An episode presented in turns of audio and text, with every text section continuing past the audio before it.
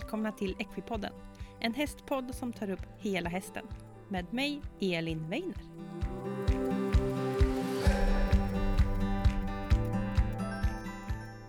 Hej alla Equipodden-lyssnare och välkomna tillbaka till Equipodden med ett rykande färskt avsnitt. Woho! Genom att få driva Equipodden får jag möta intressanta människor och som är otroligt duktiga hästmänniskor. Jag har intervjuat allt ifrån terapeuter, riddare till toppryttare. Och en sak som går igenom hos många det är vikten av dokumentation och uppföljning. Och därför är jag otroligt glad att få presentera Equidiary som sponsrar detta avsnitt. Equip Diary var från början ett UF-företag och har idag dragit igång sin verksamhet igen i en annan bolagsform. Equidiary har tagit fram en dagbok där du varje dag skriver vad du har gjort med din häst. Och på det sättet kan du få den viktiga uppföljningen i din ridning och allting runt om med din häst. Men Equidiary är så mycket mer än bara en kalender. För tjejerna bakom den här boken har verkligen tänkt till och de har lagt till sidor som till exempel viktiga kontaktuppgifter, hästjournal, träning och tävlingsplanering där du verkligen får möjlighet att skriva ner allt viktigt och hålla full koll på din häst. Och eh, det är också bra om man till exempel är fler ryttare att alla har samma information och att allting är samlat på ett och samma ställe. Equidiary har precis börjat sin försäljning av kalendern som gäller för läsår 21-22. Så nu när det är augusti, september så är det bra att börja och dra igång för läsåret och göra det bästa möjliga för att planera för att lyckas.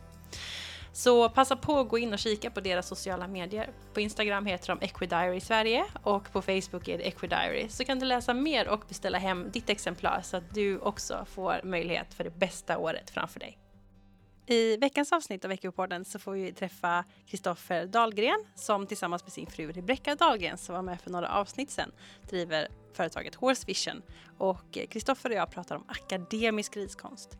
Vi kommer prata lite historia, vad det är, vi kommer prata om eh, hur man jobbar från marken, hur man gör uppifrån, vi kommer prata om hjälpgivningar, eh, skolor, vi kommer också prata om unghästar, hur man jobbar med unghästen, hur man skolar den. Vi kommer också gå in och prata om om man har en häst som inte är en unghäst utan hur man skolar om till akademisk ridkonst, om det är det man är intresserad av. Vi kommer också gå in och prata om hur man håller uppe energi hos en häst. Att man kräver mycket energi på svåra rörelser men ändå behåller lugnet och avspändheten. Det här är ett superpreppat avsnitt och fullproppat avsnitt med så mycket fakta och så mycket kunskap som Kristoffer delar med sig av. Det är helt otroligt. Så eh, oavsett med vad du rider, ett grymt bra avsnitt och ett jätteintressant tänk att lyssna på när Kristoffer berättar om akademisk ridkonst.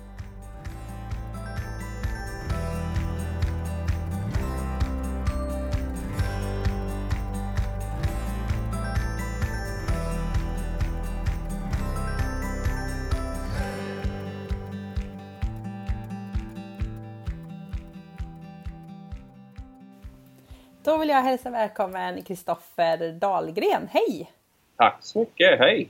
Hur mår du? Trevligt att jag får vara med. Ja, vad roligt! Ja. mår du bra idag? Mycket. Hunnit rida allt, så det är perfekt. Ja. En bra dag. Vi sa det, vad var det? Fem hästar idag? Nej? Ja, jag har fem hästar som jag rider och sen är det mycket lektioner och undervisning och så. Ja. Fullt ös, helt enkelt. Fullt ös, absolut. ja, och vi ska idag prata akademisk ritkonst för att jag har ju haft med din fantastiska fru innan för några avsnitt sedan och eh, då pratade vi om frihetsdressyr och idag är det akademisk ritkonst. Precis. Eh, för du driver ju tillsammans med Rebecka eh, Horse Vision i ja. Kinnekulle, eller nedanför. Yes.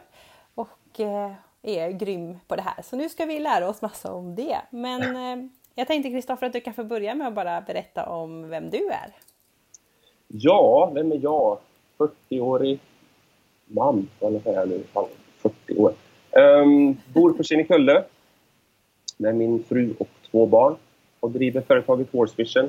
Har jobbat med det här i, på heltid i 16-17 år någonting. Mm. Länge. Länge. Um, ja. Kommer från Lidköping från början. Mm. Ganska nära. Ja, och mycket häst. Mycket häst. Väldigt mycket häst. Och vad fick dig in på akademisk ridkonst då? Eh, egentligen så var det min fru. Alltså jag, min fru fick in mig på häst från början. Alltså jag, Ah. vi träffades när vi var, vad var vi, 16, 17 någonstans där. Ja. Och jag hade inte hållit på med häst alls. eh, Utan höll på med kampsport. Ah. Men då hade vi precis träffats och så, hade jag, så frågade Rebecka så här, "Men du kan väl följa med till stallet. Och precis när man träffats då får man bjuda till. ja, eller hur? Så då hängde jag med till stallet Ja. och hon slängde upp mig på en häst. Och efter första ridturen sa jag så här, fasen det är det här jag ska hålla på med. Det är ridning som är min yrke. Ja. Ehm, så började köpte en häst ganska snabbt. Alltså det gick bara till typ ett halvår kanske så köpte jag mig en häst. Mm. Det var väl kanske inte det smartaste köpet jag gjort i mitt, liv. För jag kunde ju ingenting. Så jag, jag hade fyra ben och en svans. Tyckte det var perfekt häst. Det är ju jättebra början. Ja, ja. Och eh, ja, började träna lite också med frihetsdressyr. Eh, samma som Rebecka. Mm. Och ju mer tiden gick så kände jag att jag ville så här, ah, vill ändå hålla på lite med åt dressyrhållet. Mm. Och då letade jag runt lite grann och så hittade vi lite artiklar. Och det här är ju ja, länge sedan. Mm. Eh, hittade artiklar om akademisk ridkonst. Och kände så här, ah, fasen det där låter ju ändå intressant. För det var, det, som det beskrevs så var det ett väldigt mjukt mjuk approach på dressyr. Och det, Mm. det som passade, eftersom jag hade hållit på med att rida utan huvudlag och sådär, så kände jag att ah, det här kan jag ta till mig på ett vettigt sätt. Mm. Och eh, kontaktade en tränare och eh, ja, egentligen efter första lektionen så var jag så här, ah, det, här är det jag ska hålla på med. Det här, det här känns som en bra approach för mig att Ah. rida. Så det var så jag egentligen kom i kontakt med det. Ah. Det, det är ju så när man börjar träffa någon, då får man som sagt ställa upp och hamna... Precis, precis. Det är nog många killar som känner igen det här får vara med i det stallet. Det är nog många som har börjat så. Ja, jag tror det. Ja, vad häftigt. Och då ska vi ju lära oss om det här idag. Och det tycker jag själv. Jag tycker det här är så intressant och väldigt kul. Så att det här ska bli ett grymt bra avsnitt.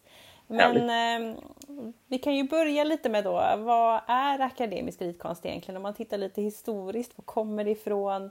Eh, varför ska man utbilda hästen på det här sättet? Om man börjar lite i den ändan, vad är akademisk ridkonst? Vad är akademisk ridkonst? Det är ett ganska stort projekt att gå igenom. Men om vi tar det lite från början, varför akademisk ridkonst kom till egentligen, så är det ju tack vare min tränare, Bent Brandrup. Mm. Eh, Så att han har alltid varit intresserad av ridhistoria och alltså rid, ja, ridhistoria. Och köpte en häst som hade jäkligt mycket skador. Ehm, Så han fick och kände att det här van, vanlig dressyrridning funkade inte på honom. Han höll helt enkelt inte för det. Mm. Så han gjorde en kombination av eh, olika discipliner, alltså, eller olika ridmästare. Och det är egentligen Pluvinel, Guernier, alltså Steinbrecht och eh, Bourget. Eh, och gjorde ett system som byggde upp den här jäkligt skadade hästen. Eh, så, att, eh, så därifrån liksom är starten med akademisk ridkonst. Och det, det bygger ju på liksom, historiska ridmästare. Mm. Ehm, och sen så har ju, alltså bara den, den tiden jag har hållit på med akademiskt, och det är ju ja, närmare 20 år, så har ju akademisk ridkonst utvecklats jättemycket. Ehm, så det, har ju liksom, det är ju en levande ridstil skulle jag säga.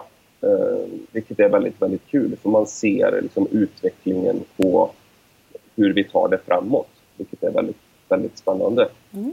Ehm, men, ja. Det, Mm. Och um, vad innebär då det här sättet? Jag tänker om man haft en sån skadad häst och så tänker, försökte han skapa liksom någonting för att få den att, att funka. Eh, Nej, men he, alltså hela grundidén med akademisk ridkonst är liksom att dressyren är till för hästen, hästen är inte till för dressyr. Alltså Mm. den är inte till för att ridas dressyr på. Det är inte hästens huvudsyfte. Men vi kan använda dressyr för hästen att använda sin kropp på ett bättre sätt. Mm.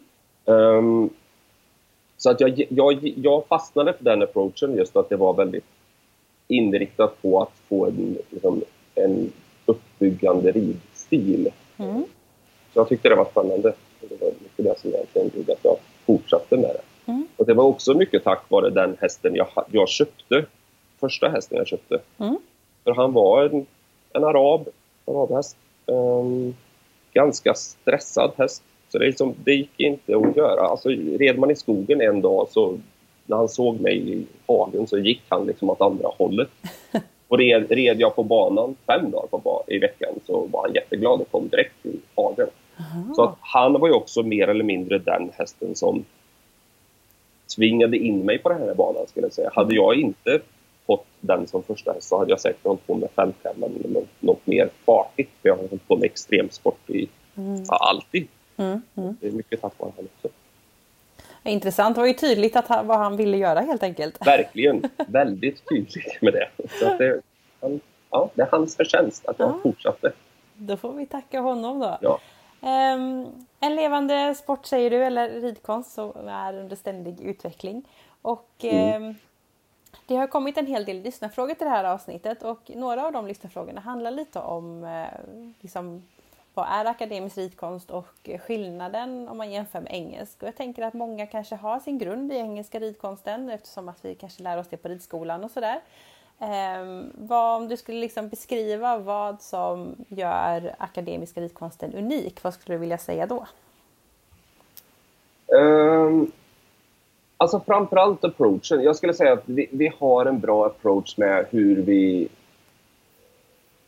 hur, hur vi låter hästarna jobba. Alltså, man, man, det är en ganska, jag skulle säga att i början är det en ganska lugn disciplin. Alltså mm. man ger hästarna ganska, framförallt mycket att man ger hästarna mycket tid. Mm. För det första så finns det liksom inget, det finns liksom inget tävlingsmoment. Vilket gör heller att jag har inget att stressa fram till. Mm. Utan tid är det jag har. Så att jag kan ju också ge mina hästar väldigt mycket tid. Mm. Eh, till exempel bara om jag har en ung häst så oftast så börjar jag kanske rida in den när den är tre, halv, fyra. Mm. Eh, och ger den ganska mycket tid. Och sen skillnaden mellan akademisk och eh, vanlig engelsk dressyr, jag skulle säga att det är väldigt mycket likheter. Vi har ju samma manövrar. Vi har ju öppna och sluta alla skolor och allt det här, skritt, trav, galopp och sen har vi ju självklart piaff och passage och de här bitarna. Men sen har vi också väldigt mycket mer. Vi har ju levad och karaktär och skolsprång. Och vi, så vi har mer påbyggnadsövningar om man, om man ska säga så. Mm. Um, och sen absolut att vi uh, utbildar hästen på ett sådant sätt att den ska kunna gå väldigt självbärig. Mm. Um, utifrån sitsen som en primär hjälp. Mm. Så det gör ju också att vår liksom, utbildningsapproachen är på att hästen ska kunna gå på, en, på enhandsfattning till exempel. Mm. Och det gör ju också att eftersom vi måste utbilda hästen så att vi kan rida alla manövrar på en hand så blir ju också hjälperna ganska stor skillnad på. Jag kan inte rida med, med samma kontakt som till exempel en, en tävlingsryttare gör utan jag måste rida på en viss ganska hängande tygel. Mm. Uh, och det är ju också att mina hjälper måste läggas på ett annat sätt. Alltså mm. jag har till exempel det här med hur vi använder tyglarna. Alltså jag använder ju väldigt mycket lädret av tygen till exempel att föra hästens bogar med på ett annat sätt än vad kanske tävlingsryttare gör. Mm. Så att det är ju skillnader men det är också mycket likheter, absolut. Mm. Precis. Och vi sa lite innan vi spelade in här att eh, bra ridning är ju bra ridning oavsett vad man säger att man håller på med. Eh, att ja, ja. man liksom önskar samma sak hela tiden. Eh, att man vill att man ska ha en glad, frisk häst som bär sig på ett korrekt sätt. Liksom. Nej, alltså det, är, det är, jag har ju egentligen inte stött på ridstilar som är dåliga. Jag har stött på dålig ridning, men det ja. finns ju inom akademiskt och mm. alla discipliner och det finns bra ridning inom alla discipliner, absolut. Precis. Och om man skulle gå in lite mer på hur man tränar och vad man har lite för mål. Eh, mm. Det är väldigt intressant att det här med tiden är en viktig faktor. För det eller jag själv känner ofta att många stressar just för att man vill tävla och man vill hela tiden komma upp i klasserna och liksom den ja. stressen. Och speciellt idag när vi har så mycket un, unga hästklasser när man börjar så tidigt med dem. Ja. Eh, men kan du berätta lite om hur träningen går till och hur man kan bygga upp för att komma till de här väldigt avancerade rörelserna som man har inom, som du säger, levar till exempel. Det är ju väldigt svåra grejer. Ja, det är en hög samlingsgrad. Alltså det är inte egentligen svårare än någonting annat. Det är bara att de flesta har, vet inte hur man tränar in det. Mm. Så att, um, om vi utgår ifrån den unga hästens utbildning mm. um, så börjar man ju Eh, jag börjar kanske jobba från marken med mina hästar. Alltså, vi har ju det vi kallar groundwork, vilket är då har vi bara en kapsol och en longerlina. Mm. Och eh, när, redan när jag började med unga hästar, jag tränar ju in alla skolor från marken. Alltså mina hästar kan öppna, sluta, diagonal sluta, de kan piruett, de kan förvänt sluta. När jag går framför hästen bara med en kapson. Så jag, jag lär ju in hjälperna på hästen. Så jag kan visa med spöet så hästen förstår till exempel det här. Så här kommer du svara på sikt på en skänkel. Mm. Så genom att jag kan jobba med det arbetet från början så lär jag ju hästen sekundära hjälper. Alltså hur kommer en tygel mot halsen att påverka dig på sikt och hur kommer en skänkel påverka dig? Mm. Eh, så, jag för, så mina hästar, innan jag redan börjar rida dem så har jag ju lärt in alla egentligen moment eh, från marken. Mm. Så det är en sån grej som vi börjar med. Och sen har vi även en longerdel. Um, och den longeringen skiljer sig ganska mycket om man tittar på ja, det man vanligtvis ser kanske inom engel, engelsk dressyr. Mm. Um, för att vi, vi har... Vi lär även in skolorna i longering, så även när mina hästar går på en volt på ett större avstånd ifrån mig så kan jag fortsatt ganska lätt föra bogarna. Jag kan flytta bogen ut eller flytta bogen in och jag kan ta bakdelen in och gå in i en sluta. Mm. Vilket gör att då börjar man prata om att vi har en avancerad longering. Mm. Och den avancerade longeringen egentligen bara låter låter mig, äh, låter mig ge, alltså ge mig en möjlighet att ha en ram på hästen. Mm. Precis samma som att jag har en ytterskänkel eller innerskänkel eller ytter, yttertygel eller innertygel när jag rider. Mm. På samma sätt så kan jag lära min häst att förstå hjälp, optiska hjälper på ett avstånd. Och det mm. gör också att eftersom jag får den ramen gör det också att jag kan börja introducera samling. Uh, och jag tycker att det är ett bra sätt, anledningen till att jag egentligen vi tog fram den avancerade longeringen och börja träna mer samling på i longering. Det var för att det är ett ganska säkert sätt att börja introducera samlingen för att hästen har ganska stora möjligheter att säga nej. Mm. Och en häst som säger nej i träningen, det är inget negativt. Alltså det ger mig ganska mycket information. För att mm. har jag hästen i longeringen, om jag ber hästen att samla upp sig nu är det här kanske inte en ung häst, men om mina äldre hästar, om jag skulle be dem att gå in i en piaff i longeringen. Mm. Alltså förstår de mina hjälper och de har fysisk förmåga att göra det, det jag ber om, då kommer de göra det. Mm. Och gör de inte det, då är ju antingen så förstår inte hästen vad jag menar eller så kommer ju hästen inte ha fysisk förmåga att göra det just nu, vilket mm. gör att jag får ta ett steg tillbaka. Mm. Och det blir väldigt, väldigt tydligt för så som jag började träna in samling också, det var ge en förhållning, komma med drivning. Mm. Men jag kunde också ganska lätt sätta hästen i en situation där den kanske egentligen inte var redo för det. Men i mm. longering så blir det väldigt tydligt. För förstår inte hästen eller kan inte hästen och jag pushar hästen, då kommer hästen bara säga bye bye och så springer den runt. ja, precis. Så det blir väldigt, väldigt tydligt. Så ja. den delen tycker jag är kanon. Vi har ett väldigt bra markarbete och longeringsarbete, vilket jag inte har sett, eller den finessen med markarbete och longeringsarbete har jag inte sett inom någon annan disciplin. Mm. Så det skulle jag säga är väldigt synonymt för akademisk utkonst. Mm. Intressant. Och du säger uh, unghästar. Hur, uh, hur gamla eller unga brukar de vara när ni börjar med lite groundwork?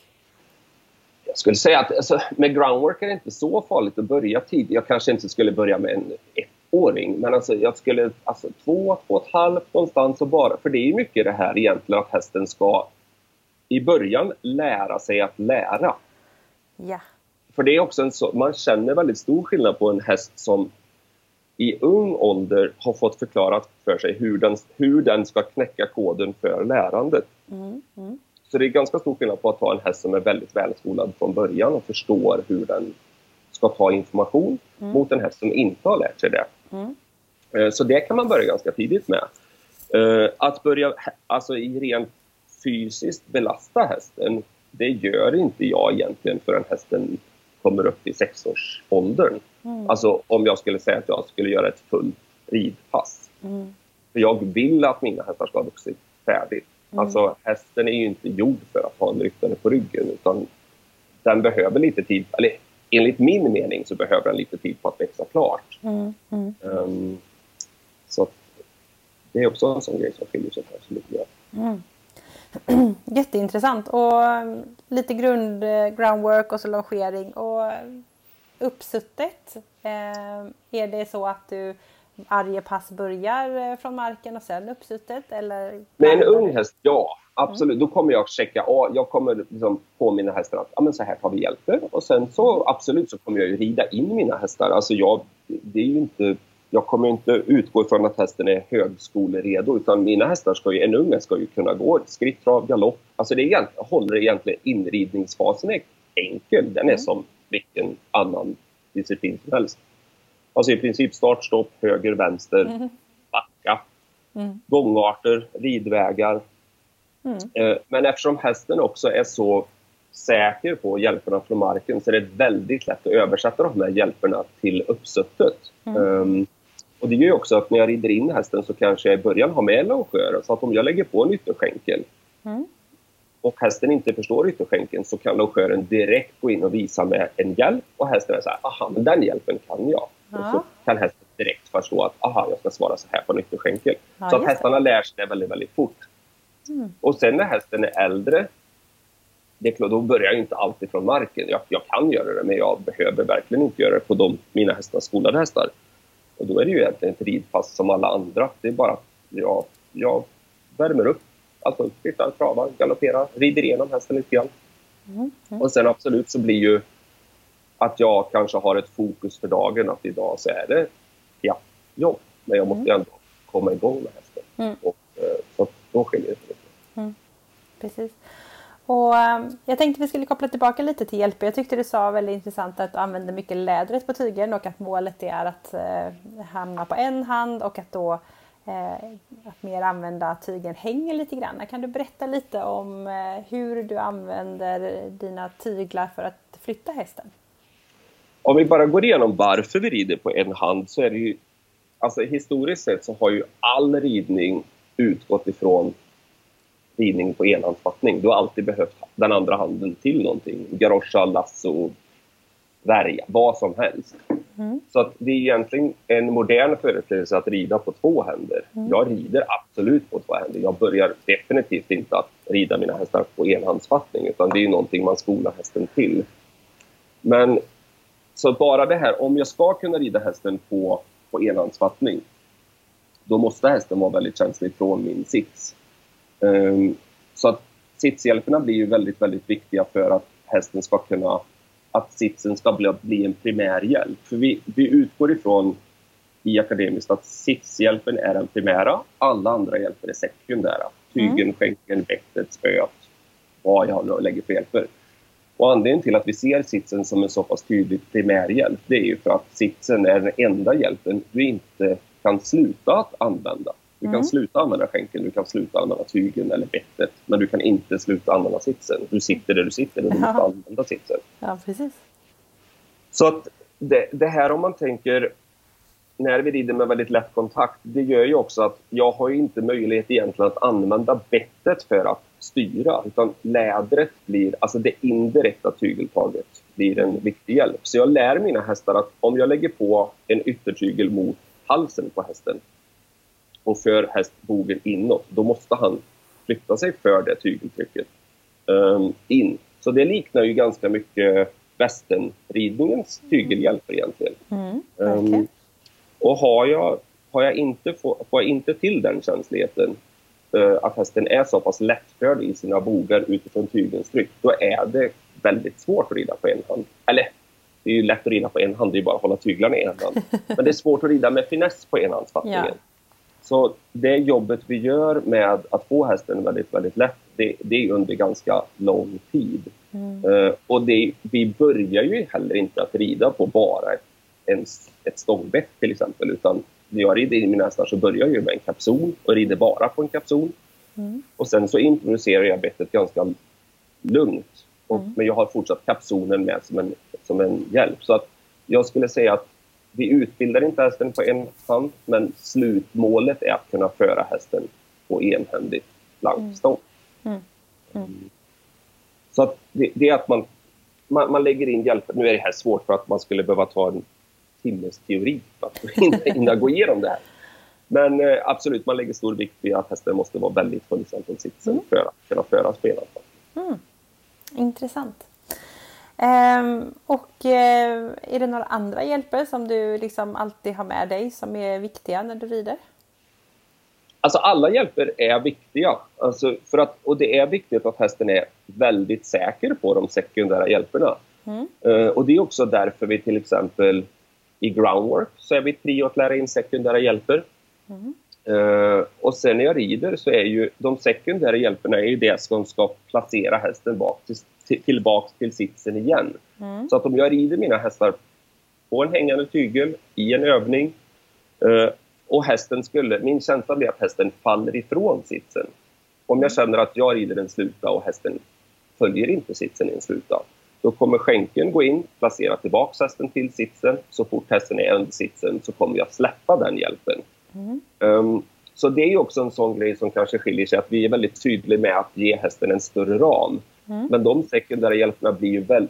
Förstår inte hästen de sekundära hjälperna väldigt bra, då är det också väldigt svårt att rida bara från sits. Mm. För att de sekundära hjälperna ska alltid placera tillbaka hästen till, till min sits. Mm. Men, men, jag rider inte med sekundära hjälperna konstant på hästen, med konstant drivning eller en kontakt på, häst, på, på bettet, utan det, det, är fortfarande jätteviktigt att hästen förstår dem.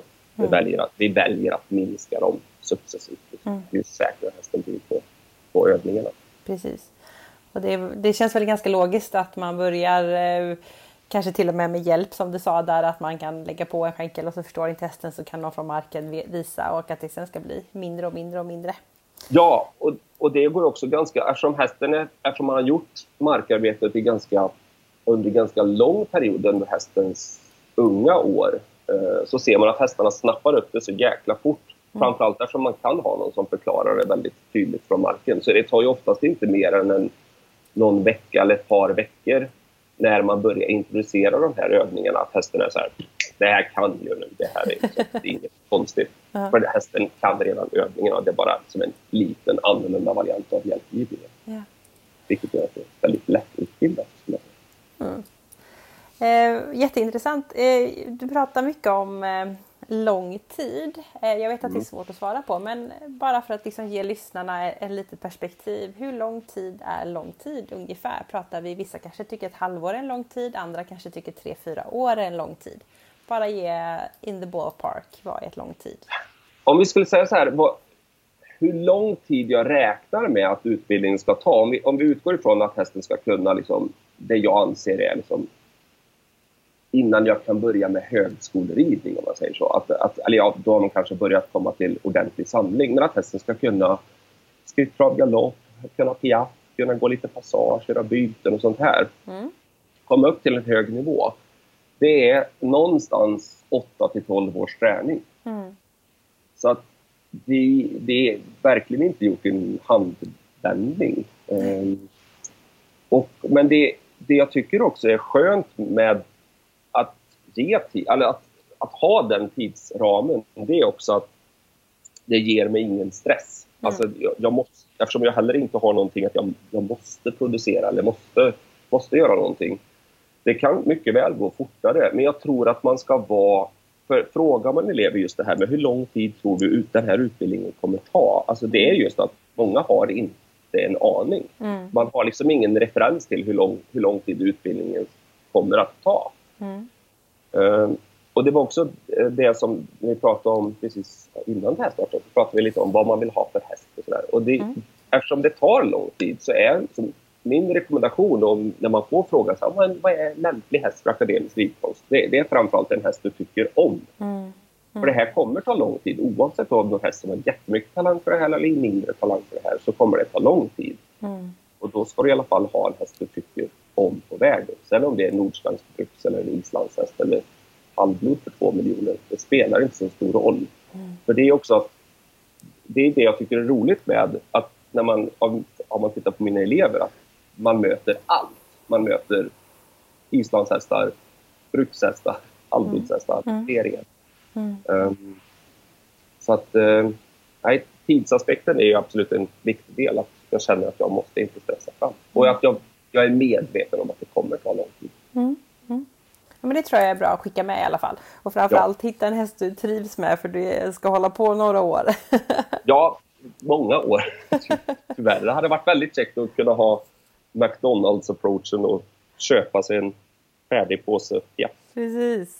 Kunna göra en drive-through på det där. Precis. Idag vill jag ha en piaff, imorgon vill jag ha en passage. ja, jätteintressant.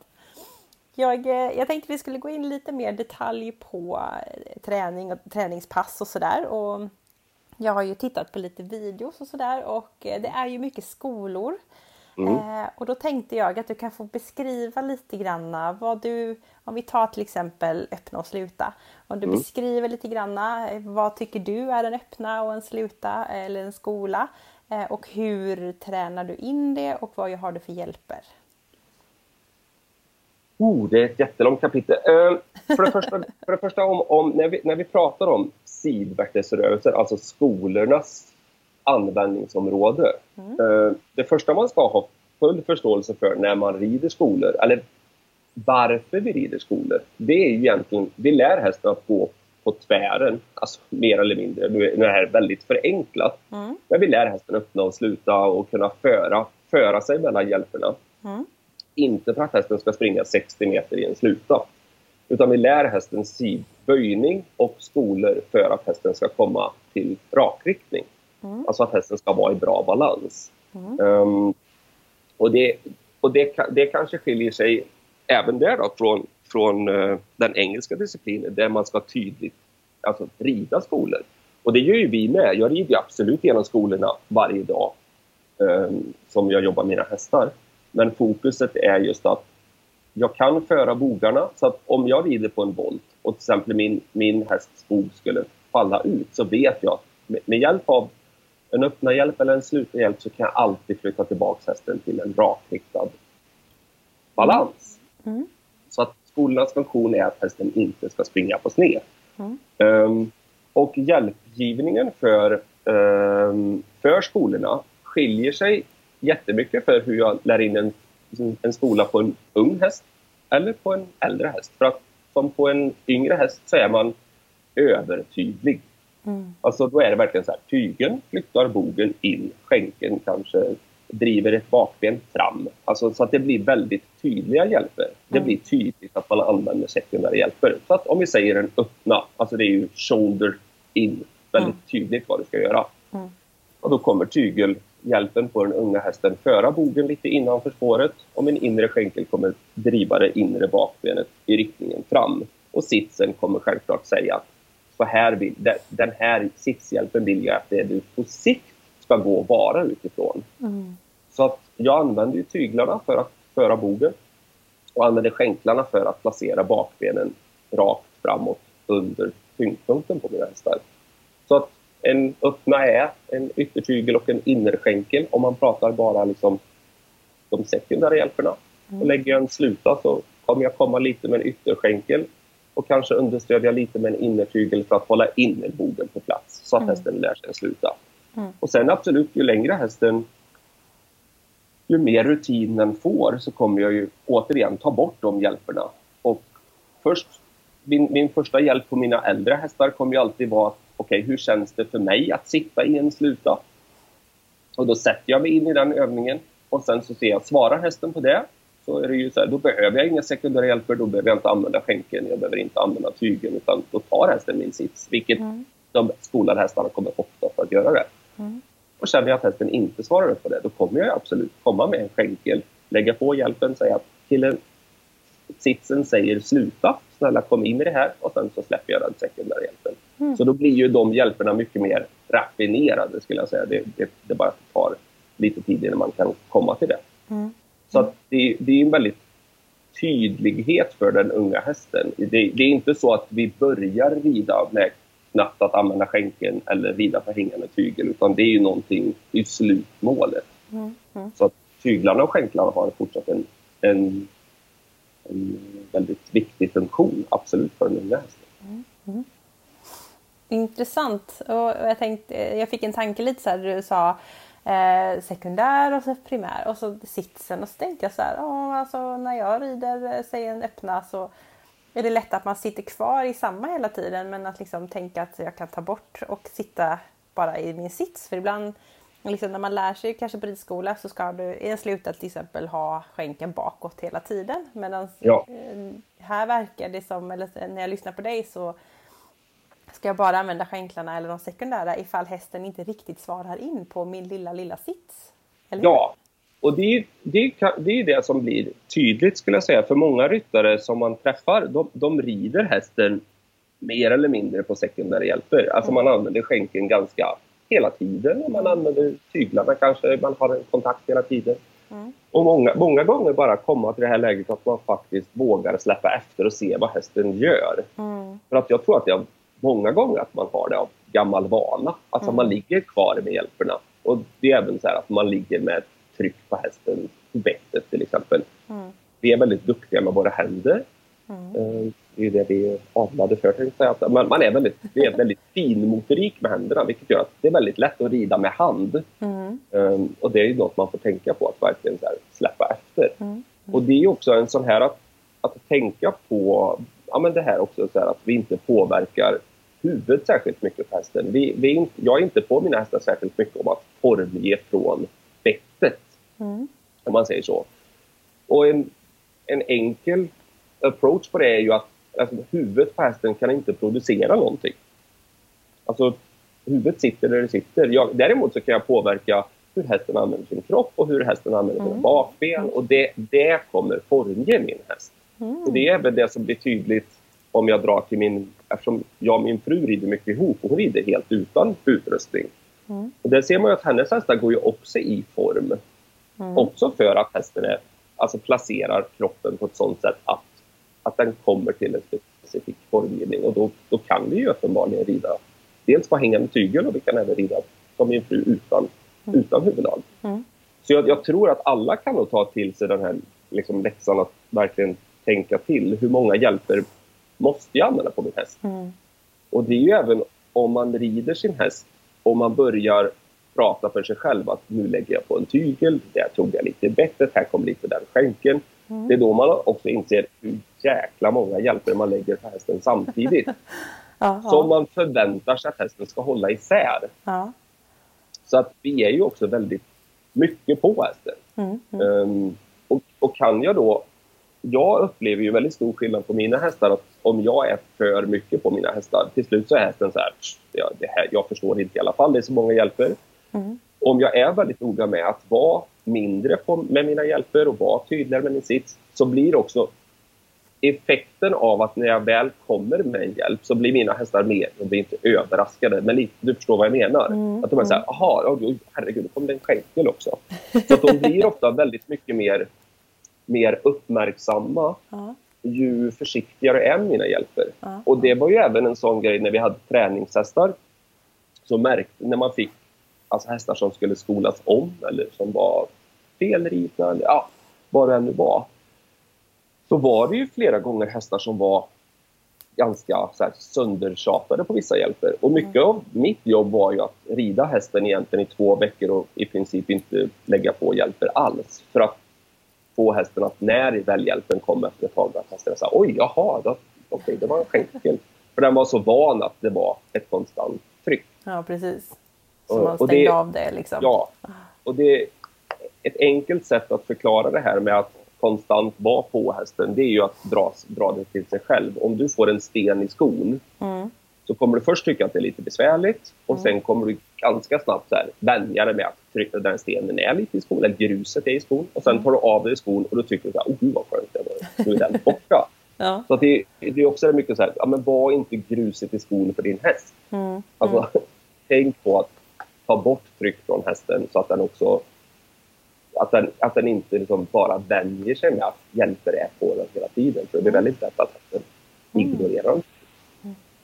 Mm, den tror jag är bra att ha med sig. För jag, jag tänkte på det förut. När det var liksom det här lilla och eh, Ja. att liksom verkligen få hästens väldiga koncentration hela tiden tänkte jag. Mm. Det måste vara jättesvårt. Alltså, det, det är, ja, det är det ju absolut. För du, du måste vara ganska så här, tydlig, konsekvent och absolut så att hästen lär sig hjälperna.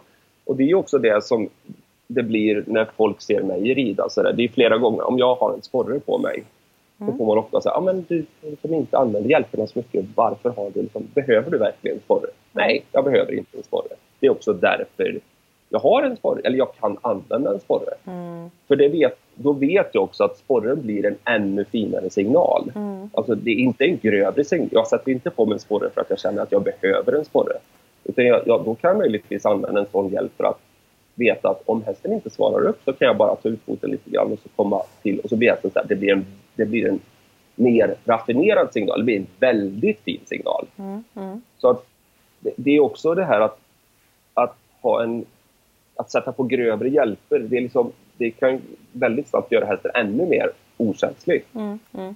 Så att en, en, en sporre till exempel i våran, för man, man ska som ryttare absolut kunna hantera en sporre, men då ska man också vara medveten om att man sätter på en sporre när man upplever att man inte behöver en sporre. Mm. I den meningen. Man sätter inte på sig en sporre för att jag måste kunna flytta hästen lite tydligare. Då, Nej, får, man förklara, då får man förklara för hästen bättre. Mm.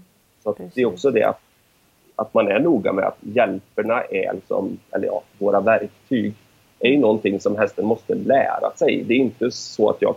Det är, inte verktyg som en skruvmejsel eller en hammare utan hästen måste ju under lång tid förstå våra hjälper. Mm. Mm. Eh, och då gäller det att inte bli större och sitta och gnaga runt med dem. Mm. Ja men precis. Eh, intressant där. Jag sätter på mig sporren när jag vet att jag inte behöver den. Ja. Superbra tanke till, tycker jag. Eh, jag. Jag tänkte att vi också skulle gå vidare lite grann för att eh, eh, vi pratade lite om att man kan göra ganska avancerade saker och eh, att eh, Jo, att eh, man kan ibland behöva väldigt mycket energi. Eh, och Mm. eh, då är det en lyssnarfråga som har kommit in kring det här. Och eh, då är frågan om hur du behåller eller får upp så mycket energi eller motivation hos hästen utan att förlora lugnet eller att få hästen spänd. Och vi kan ju börja lite med liksom, i vilka situationer skulle man behöva liksom, en väldigt hög energi och varför vill man inte ha den här spändheten, studset eller hur behåller man lugnet? Alltså, mycket är det så här, det, det första jag funderar på när jag börjar mina hästar, det är så här, vad har hästen för, pers- för personlighet? Mm. Är det en väldigt självsäker häst? Är det en väldigt osäker häst? Är det en mer introvert? Eller är den en mer extrovert till exempel? Så det kommer ju också avgöra hur jag lägger upp träningen. Nu är det återigen, man skulle behöva prata jättelång tid om det här. Men det avgör väldigt mycket hur jag, hur jag startar mina hästar Mm. och hur jag, inte bara vad jag gör, för det, jag behöver göra samma moment på alla mina hästar. Men min approach på de olika karaktärer, mina, min, om man bara drar till mina hästar, är väldigt olika i, i personligheterna. Jag har några hästar som är väldigt självsäkra Mm. och ganska extroverta och sen har jag som Saxo, han som är längst kommen, han är väldigt försiktig. Han är väldigt osäker och väldigt introvert och blir väldigt, oh, väldigt snabbt nervös. Mm. Så att mycket det här när, när, jag lär, när jag lägger hjälper på mina hästar och framför allt när jag kommer till situationer där, hästen, där det krävs mer energi Mm. så är jag absolut noga med hur hästen svarar på mina hjälper. Eller vad, vad hästen svarar om jag lägger på nyckelskänken. Eh, vad hästen svarar för den nyckelskänken. Men också hur hästen tar den informationen. Så vi, vi pratar, eller vi, jag pratar mycket om eh, agerande sinnesstämning eller reaktiv sinnesstämning. Mm. Och en agerande sinnesstämning är just det här att eh, jag lägger på en hjälp, hästen tänker till och den svarar lugnt. Och det är någonting jag lär mina, mina yngre hästar att, att hur de ska ta informationen som ges. Och man ser också många hästar som är, de är inte en agerande sinnesstämning, de är en reaktiv sinnesstämning. Och det Mm. innebär att jag lägger på en hjälp, hästen svarar på hjälpen och ökar väldigt mycket energinivå. Mm. Och problemet med det, det blir ju att det går väldigt fort till ett stressigt läge. Mm, Att mm. hästen vaknar till. Och då blir det så här, vad var det som gjorde att hästen stressade upp? Ja, hjälpen. Mm. Så jag får lägga väldigt mycket tid på mina hästar att jag lägger en hjälp, hästen tänker till och svarar lugnt. För att kan jag lära den unga hästen att svara väldigt lugnt på hjälpgivningen, då kan jag öka energin. Eh, jag kan be om mer energi och ändå få ett lugnt svar. Medan om, Mm. om hjälper ökar energin i hästen, då måste jag få hästen lugn genom att ta bort hjälpen. Och det har jag liksom inte riktigt råd med när jag kommer väldigt långt. Alltså när jag ska göra levad eller skolsprång eller vad jag nu pysslar med. Mm. Så just den här approachen är ju hur, hur hästen tar information. Är den agerande eller är den reaktiv? Mm. Jag, må, jag tränar väldigt mycket på att hästarna ska vara i en agerande sinnesstämning.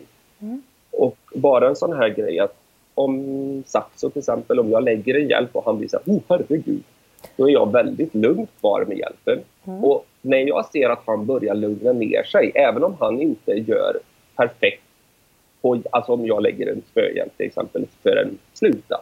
Även om han inte gör en perfekt sluta, utan jag ser att trots att jag har hjälpen där så börjar han lugna ner sig. Då tar jag bort hjälpen och bara duktig pojk, du ska bara vara lugn. Mm. Och sen så repeterar man den hjälpen igen tills man känner att hästen, man ser att hästen, jag ger hjälpen, han tänker och han svarar långsamt för det gör att jag kan försiktigt öka energin i hästen. Mm. Eh, men det är väldigt lätt gjort att hjälpgivningen ökar energin i hästen och det, det blir svårt i långa loppet. Mm. Framförallt när man kommer långt eller längre fram i så blir det väldigt krångligt att jobba med. Mm. Det är ju väldigt intressant. Och om man har en häst som ofta går in i reaktiv, eh, som du sa här, eh, ska man då eh, försöka bara, som du säger, vara lugn? Eller har du några fler tips på en häst som gärna går in i en reaktiv sinnesställning? Framförallt gör, gör enklare övningar. Mm. Alltså gör, gör, övningar som, som ligger ganska långt ifrån det stressiga. Och så mm. träna, lär in hästen att den, att den svarar. Alltså det kan ju vara en mycket, mycket enklare hjälp. Det kanske är bara så här, ja, lägga på en skänkel och få hästen att svara på att kanske flytta in bakdelen. Och man, man kanske inte behöver göra det i en högre samlingsgrad eller i ett svårare moment. Så det, det är alltid det här när man ser att hästen får lite stresspåslag, det är att liksom backa bandet lite grann. Mm. Mm. För det är en sån grej som man många gånger ser många ryttare gör det här. Man, man galopperar hästen och så svarar inte hästen på hjälpen och så sitter man och så rider man vidare i galopp tills hästen svarar. Och så här. Fast det är inte lättare för hästen att förstå hjälpen för att det går i galopp. Då mm. kanske man kan gå ner i skritt eller man kanske till och med kan gå ner i halt och lära den och så successivt ta upp det kanske man ser att hästen svarar på i trav och sen prova galoppen igen. Mm. Um, så just det här att man är noga med att backa bandet lite grann, mm. ta det en gång till, ta det lugnt, och att man kanske inte måste känna att varje pass kanske inte måste vara att man skrittar, travar, galopperar och rider igenom allting. Utan har man en sån så kanske man säger vi får ta två veckor och träna hjälpgivning och mm. hur han svarar på min hjälp. Så att man inte måste rida allting, alla, varenda pass. För det gör inte jag heller. Jag rider inte igenom allt eh, varje dag. Jag, mm. det, kan, det, finns inte en chans att jag kan göra det. Jag får, jag får struktur. Um, och det här, den här agerande sinnesstämningen är viktig framförallt när jag kommer till högre samlingsgrad på mina hästar. Mm. Uh, för då, då, då ställs det väl, verkligen på sin spets att ska jag göra väldigt hög samlingsgrad, jag kan inte ha en häst som är låg energi, jag måste ha upp energin i hästen. Mm. Men börjar jag få att hästen börjar samtidigt bli reaktiv, då blir det jättesvårjobbat. Alltså, och framförallt till slut om jag ska jobba med uppsutten uppsuttna språng, alltså skolsprång, mm. då blir det till slut farligt.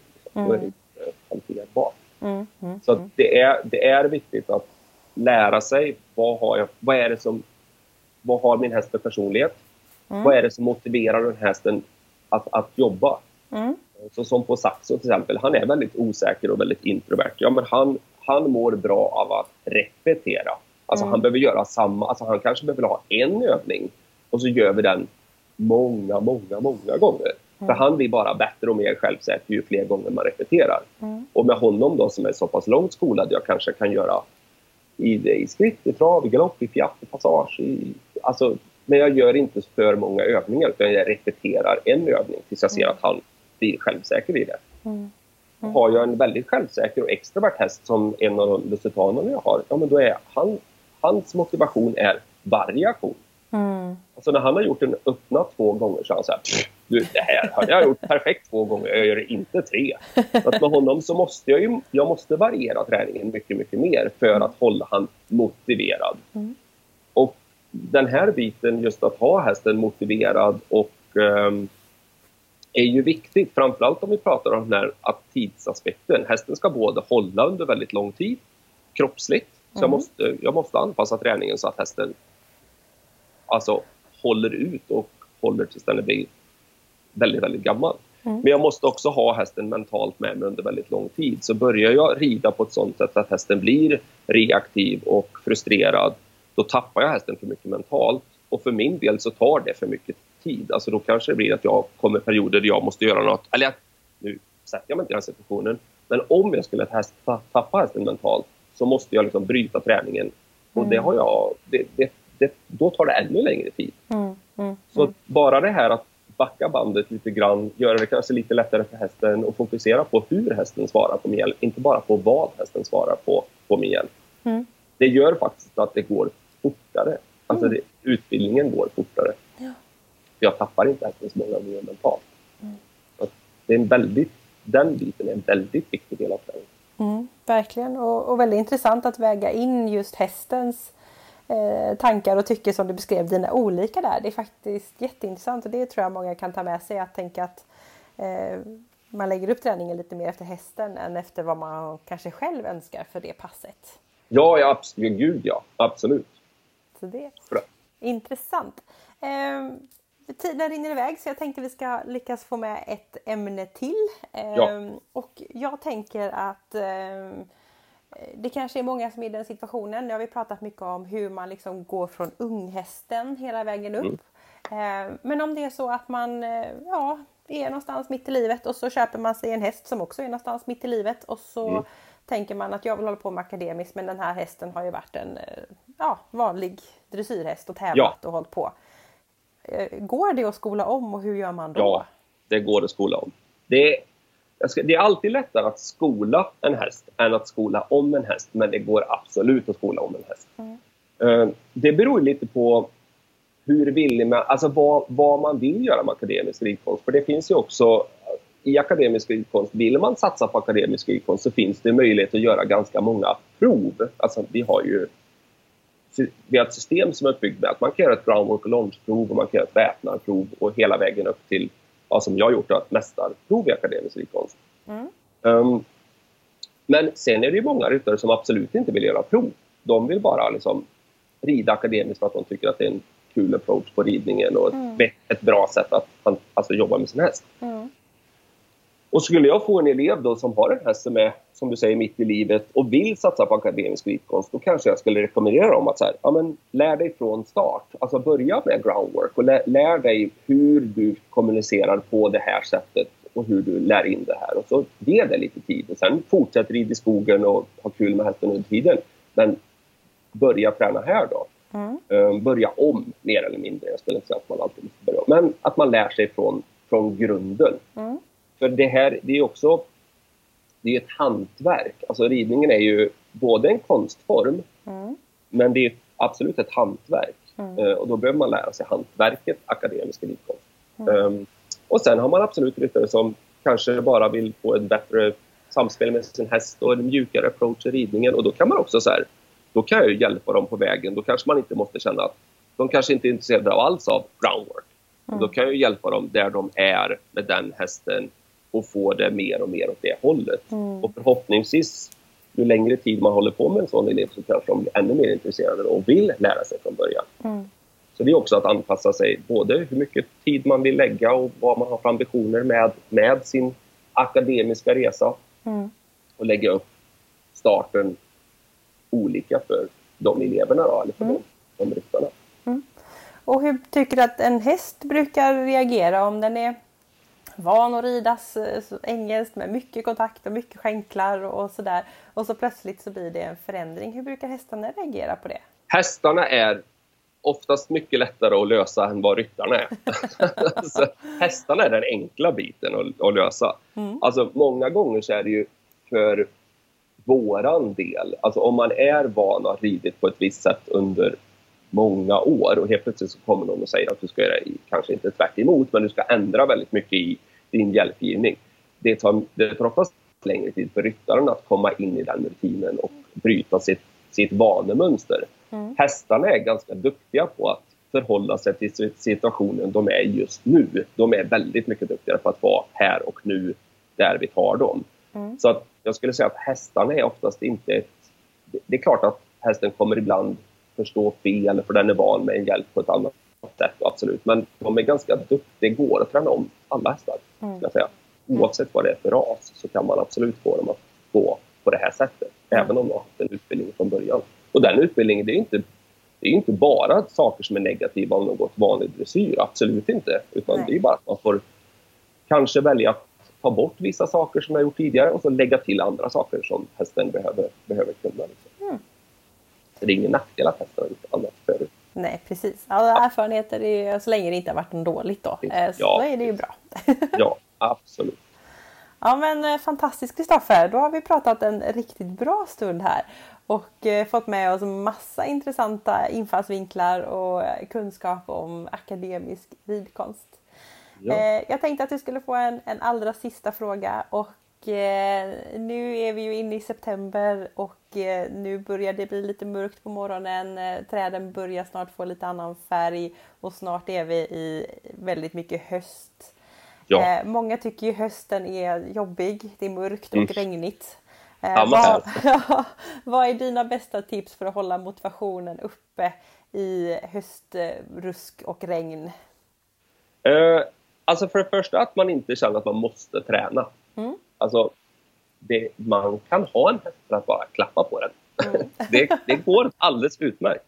Så att ett, ett bra träningspass är ju bättre än inget träningspass, absolut. Mm. Men just att man inte har en press att man måste rida. Det, mm. För det första, det ska vara kul att rida. Mm. Så att, också att om man känner en dag att man inte är jättemotiverad, då kanske det är bättre att hoppa över ett sånt pass och säga att äh, jag tar det imorgon istället. Mm. För, och det gör ju jag med. Det är, jag får ju också i vissa lägen så här känna att jag har verkligen inte ork att rida fem hästar idag.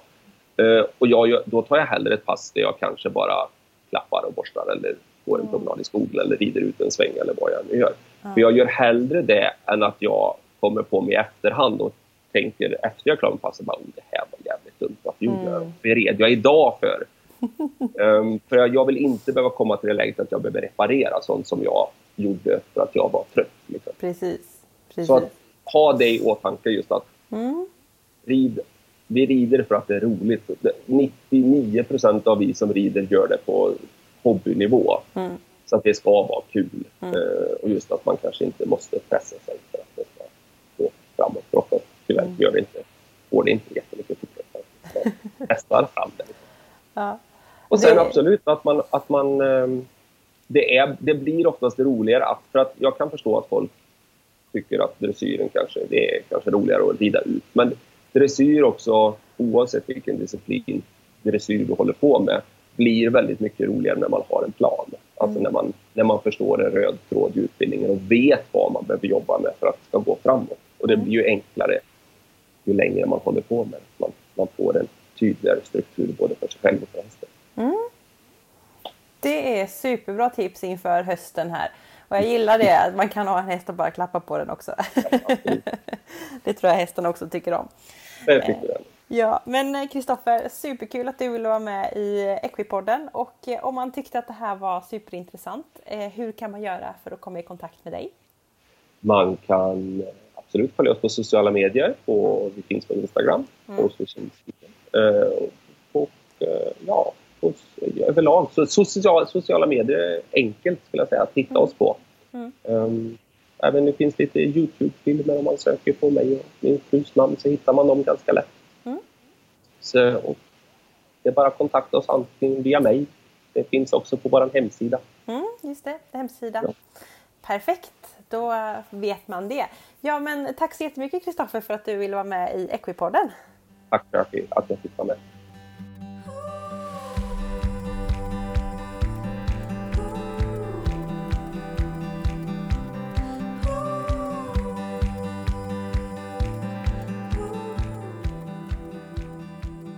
Stort, stort tack Kristoffer för att du ville vara med i Equipodden och prata om akademisk ridkonst. Så intressant och jag har lärt mig otroligt mycket. Jättespännande, verkligen stort, stort tack. Och tyckte du att det här var intressant så glöm inte kolla in Horse Vision. Det finns ju på massa sociala medier och även deras hemsida. och eh, följa dem på sociala medier för det kommer upp mycket fina bilder och massa bra grejer att läsa. Det är också ett tips att gå in och följa Equipodden på sociala medier, Facebook och Instagram. Där kan du vara med och påverka innehållet i podden och vilka frågor jag ska ställa till gästerna som är med. Nu är verkligen hösten här, eh, mitten av september. Det börjar bli lite ruggigt och jacka på eftermiddagarna så jag hoppas att du kan hålla motivationen uppe i höst och träna på och utvecklas så duktigt som du alltid gör. Och med det så önskar jag dig en fantastisk vecka. Ha det så bra så hörs vi snart igen. Hej då!